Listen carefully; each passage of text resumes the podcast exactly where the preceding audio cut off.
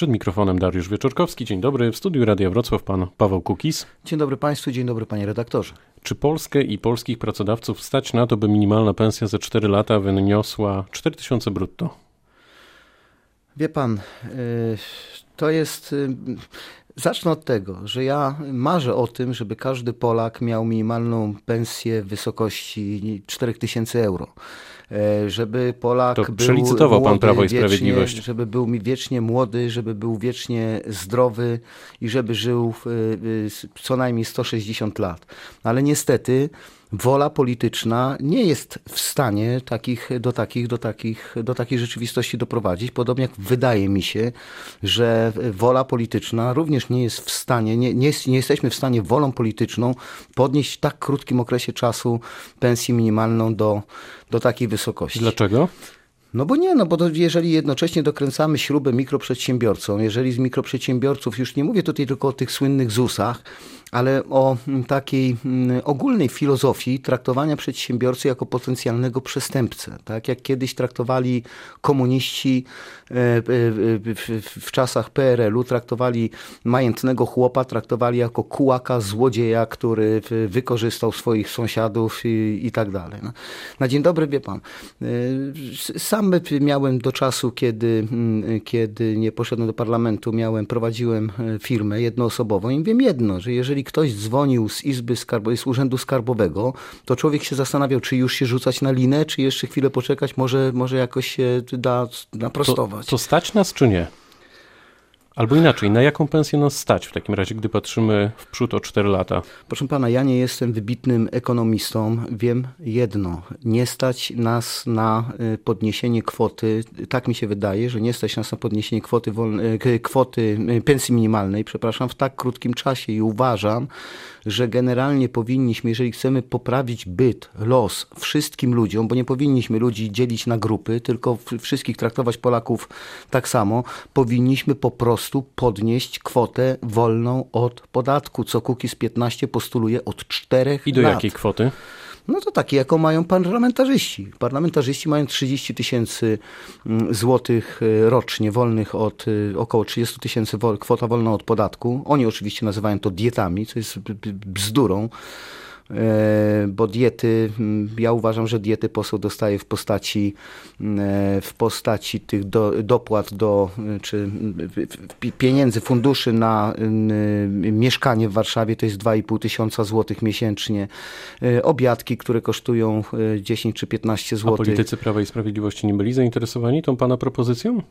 A to wie pan, to jest ciekawe, bo ani politycy Prawa i Sprawiedliwości, ani politycy Platformy Obywatelskiej nie byli zainteresowani. Wywalili e, nasz projekt ustawy o podniesieniu kwoty wolnej od podatku do 30 tysięcy złotych dla każdego obywatela, wywalili do kosza. Jak również wywalili do kosza drugi projekt. E, pomyśleliśmy, że skoro nie chcecie podnieść kwoty wolnej od podatku wszystkim obywatelom do 30 tysięcy, to obniżmy sobie do 3 tysięcy e, kwotę wolną od podatku. To również zostało wywalone do kosza. A myśli pan, to wejdę w słowo, myśli pan, że kolejni ministrowie finansów też są świadomi tego, że niekoniecznie stać nas na chociażby tą minimalną pensję 4000 brutto za 4 lata i dlatego e, mamy taką wymianę, no bo w tej chwili kolejnym, piątym już ministrem tej kadencji został pan Jerzy Kwieciński. To jest takie gorące krzesło? Proszę pana, no tutaj wiesz, porażające przede wszystkim w naszym państwie jest to, w naszym ustroju jest to, że właściwie nie konsultuje się takich spraw jak e, sprawy gospodarcze z ministerstwami. Proszę zauważyć, że pan prezes Kaczyński zapytany o to, czy e, konsultował e, ten pomysł podniesienia pensji minimalnej, na przykład z panią Emilewicz, z Radą Dialogu Społecznego, czy z przedsiębiorcami, ze związkami zawodowymi. Odpowiedział, że nie konsultował, bo po prostu jest taka wola polityczna i tyle, i cześć. Pan miał okazję rozmawiać kilkakrotnie, co najmniej tak. kilkakrotnie z panem prezesem Jarosławem Kaczyńskim. No i co? A co? Że no, co? No, no nawet chociażby na takie tematy, które mm, są nie, niekoniecznie mówiąc pana, y, no, po drodze panu. Bardzo, bardzo miły pan, y, towarzysko. Natomiast y, jeśli chodzi o no, taki, gdybym miał bardzo ogólnie zakreślić postawę, no to jest to postawa no, taka perelowska w sensie rozumienia, rozumienia gospodarki, w sensie takiego podejścia. To jest partia, przepraszam, to jest partia socjalistyczna, po prostu najnormalniej w świecie, nie mam co do tego żadnych wątpliwości. Prawo i Sprawiedliwość jest partią socjalistyczną, ma światopogląd prawicowy, natomiast podejście do społeczeństwa jest to typowo socjalistyczne, perelowskie podejście. A za co w takim razie pan pokochał, to w cudzysłów wkładamy Władysława Kosiniaka-Kamysza, czym pana e, ujął? Przepraszam, bo tutaj nie wyłączyłem telefonu, ale już Nie szkodzi. Robię. Ja wiem, ale wyłączę. Miły chłopak dzwoni, no to może następnym razem. Czy mnie ujął Władysław No tak, czym właśnie?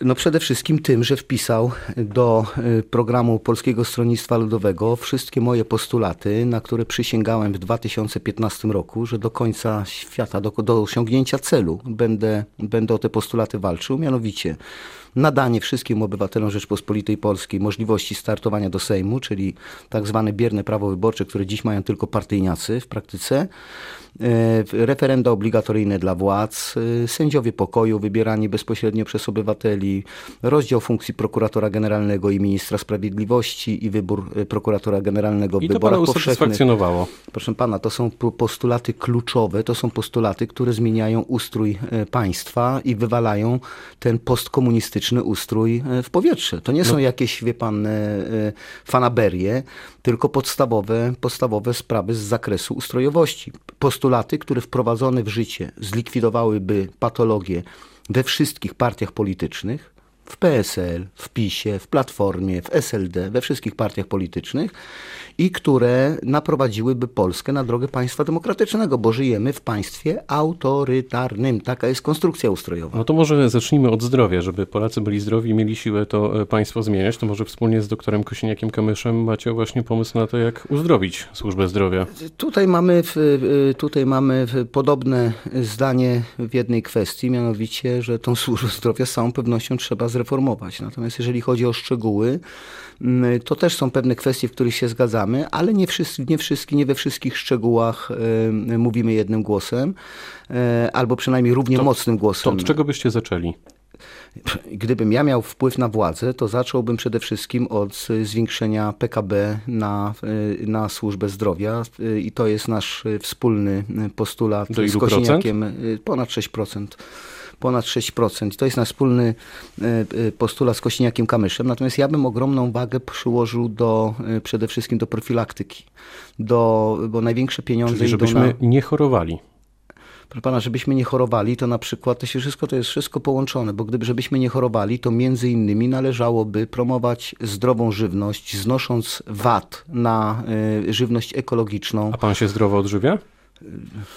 Proszę pana, no teraz to ja się w ogóle prawie nie odżywiam, tylko żyję y, powietrzem i dobrą y, nadzieją. Także, ale y, nie najgorzej się czuję. Pan mi przyniósł tutaj niezdrową kawę i, i jeszcze Żeby pana pobudzić jeszcze żeby bardziej. jeszcze bardziej pobudzić. Powiedział pan, tu cytat, żebyśmy mogli łączyć Polaków, to musimy przede wszystkim przekształcić państwo partyjne w państwo obywatelskie. Podstawa. Co to znaczy? Proszę pana, dzisiaj gdyby pan chciał, załóżmy, że jest pan najwspanialszym człowiekiem e, z miejscowo- mieszkającym w miejscowości Wrocław. Staram jest pan się. człowiekiem, no to ja mówię, no załóżmy tak powiedziałem, bo to właściwie nie trzeba zakładać. Jest pan najwspanialszym człowiekiem, ale załóżmy, że jest pan najbogatszym również człowiekiem, człowiekiem altruistą, człowiek, człowiekiem, który e, no, ostatnią koszulę oddałby bliźniemu. Jednym słowem, ma pan pewne, że gdyby startował pan do Sejmu, zostałby pan przez obywateli wskazany, dostałby pan 99% głosów. Ale nie chce pan startować z żadnej partii politycznej. Chce pan startować pod swoim imieniem i nazwiskiem i reprezentować tylko mieszkańców e, Wrocławia czy i okolic.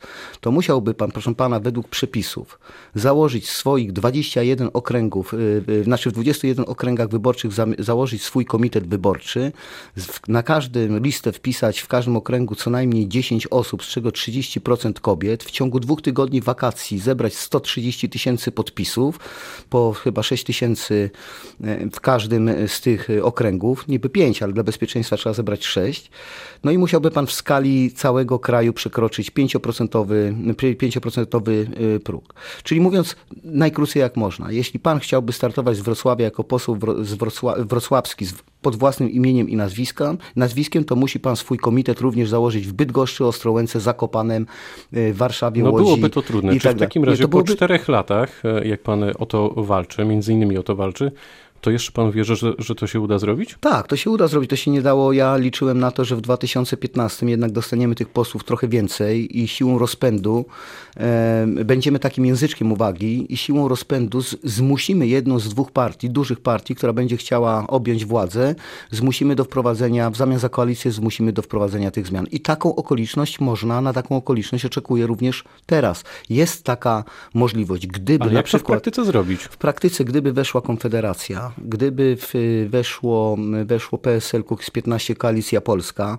e, SLD, Platforma i PiS, to PiS wcale nie musi samodzielnie sprawować władzy. Może ta arytmetyka tak się ułożyć, że będzie jednak potrzebował, e, potrzebował koalicjanta. Ja mam najnowszy sondaż. E, albo PiS, albo Platforma. Cebosu przed sobą. Jako Koalicja Polska jesteście na trzecim miejscu z wynikiem 8%. E, prześcignęliście Lewicę. To na jaki pan wynik liczy ostatecznie 13 października? Proszę pana, ja nigdy się nie kieruję w jakichś szczegółach sondażami. Zresztą sondaże według mnie powinny być, a przynajmniej ta częstotliwość no, jest zabójcza. One są, trakto, to są właściwie narzędzia socjotechniczne, narzędzia propagandowe. No, ale ten Wszystko... wynik akurat powinien pana cieszyć. Proszę pana, ja nie, nie lubię dzielić tam skóry na, na, na, na niedźwiedziu. Jeżeli zdarzy się rachunek taki, że ani Prawo i Sprawiedliwość, ani Platforma nie będą mogły rządzić samodzielnie i będą potrzebowały do tego PSL, Koalicja Polska, Kukiz 15, no to w tym momencie będę się cieszył. A teraz z czego ja mam się cieszyć? No, dzisiaj może napisać 8, jutro mogą napisać 2, pojutrze mogą napisać 16. Zależy jaka jest po prostu, jakie jest zamówienie. Kukiz 15 wprowadził do Sejmu 4 lata temu 42 posłów. Dziś jest was 16. Co pan czuje? Nic nie czuję. Już miałem, proszę pana, na początku... Smutek, żal, na przykład rozgoryczenie? E, to za duże słowa. To już y, Pan Bóg będzie rozliczał tych posłów, którzy przysięgali na y, y, dozgonną walkę o jednomandatowe okręgi wyborcze, o państwo demokratyczne, o referenda obligatoryjne. To Bóg będzie ich rozliczał z tego, że poszli do partii, która te postulaty proobywatelskie absolutnie wyklucza i chce tylko państwo centralizować. Mówię o Prawie i Sprawiedliwości. No jakiś smutek jest, jakiś żal. Natomiast ja się z tym liczyłem. Wie Pan, to właśnie to jest kolejny mankament tej durnej ordynacji partyjnej, że jakiś wie pan, mówię o sobie, śpiewaczyna spod opolskiej wsi ma wystawiać, wskazywać 41 jedynek e, w, w całym państwie.